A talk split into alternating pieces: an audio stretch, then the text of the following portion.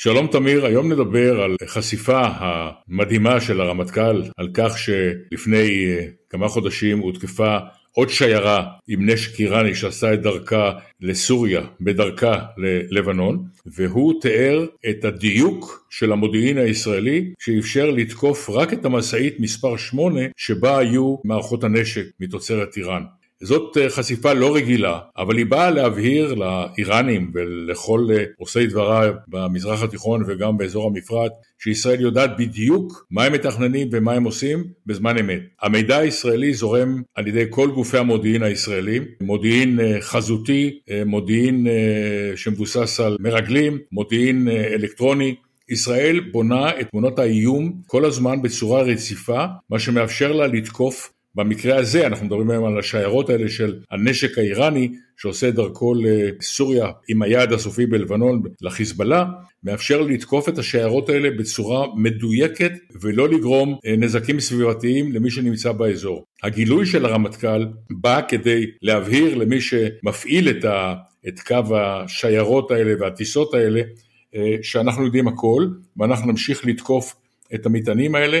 כמובן שאין 100% הצלחה, אבל ישראל השנה תקפה עשרות פעמים שיירות ומתקנים של איראן בסוריה, השמידה המון מערכות נשק איראניות, חלקן מערכות לדיוק הטילים המצויים בידי חיזבאללה, ונחזור לדברי הרמטכ"ל, מתחו עליו ביקורת על החשיפה הזאת, אבל אני חושב שהוא עשה נכון, הוא מבהיר לאיראנים ולעושי דברם שישראל יודעת ותמשיך לתקוף במדויק את משלוחי הנשק האלה. נכון, התקיפות הישראליות כנגד המשלוחים האיראנים הן תקיפות מאוד מכאיבות לאיראנים, כי הן פוגעות בנכסים היקרים והחיוניים ביותר של איראן בלבנון וסוריה. זה הצוותים האיראנים, שלוחיהם ותומכיהם, שמשנעים את הציוד הזה, שקולטים אותו בסוריה ובלבנון ומנהלים את השדרוגים או את המודיפיקציות של הרקטות והטילים כדי לאפשר להם להיות מדויקים יותר. אלה בעצם המרכיבים של המשלוחים האלה. בנוסף לזה יש כמובן גם את המל"טים והמל"טים התוקפים, שגם הם כנראה היו חלק מהמשלוחים ש...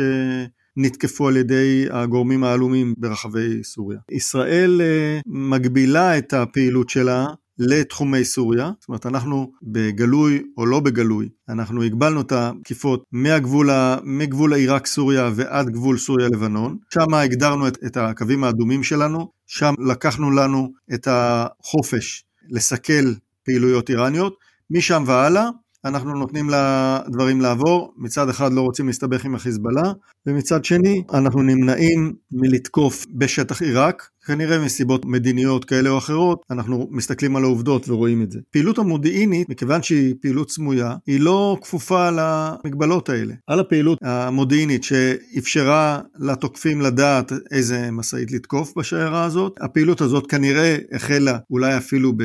שטחי איראן, המשיכה בשטחי עיראק, וברגע שהשיירה הזאת עברה את הגבול, מיד עם המעבר של הגבול, המרכיבים האלה נתקפו. זאת אומרת שבתקיפה עצמה, מעבר לצד הסיכולי, של פריט כזה או אחר שמנענו ממנו להגיע לידי החיזבאללה, יש לנו כאן מרכיב הרתעתי מאוד חזק, וככה צריך להסתכל אל הדברים של הרמטכ"ל. הוא לא בא והתגאה בזה שיש לנו מודיעין כל כך טוב ושאנחנו יודעים הכל. ההבחנה הזאת הגיעה כדי להבהיר שלישראל מצד אחד יש קווים אדומים ויש גבולות שאנחנו שומרים עליהם, אבל מצד שני אנחנו לא מהססים לפעול ברגע שהצד השני חורג מהגבולות האלה.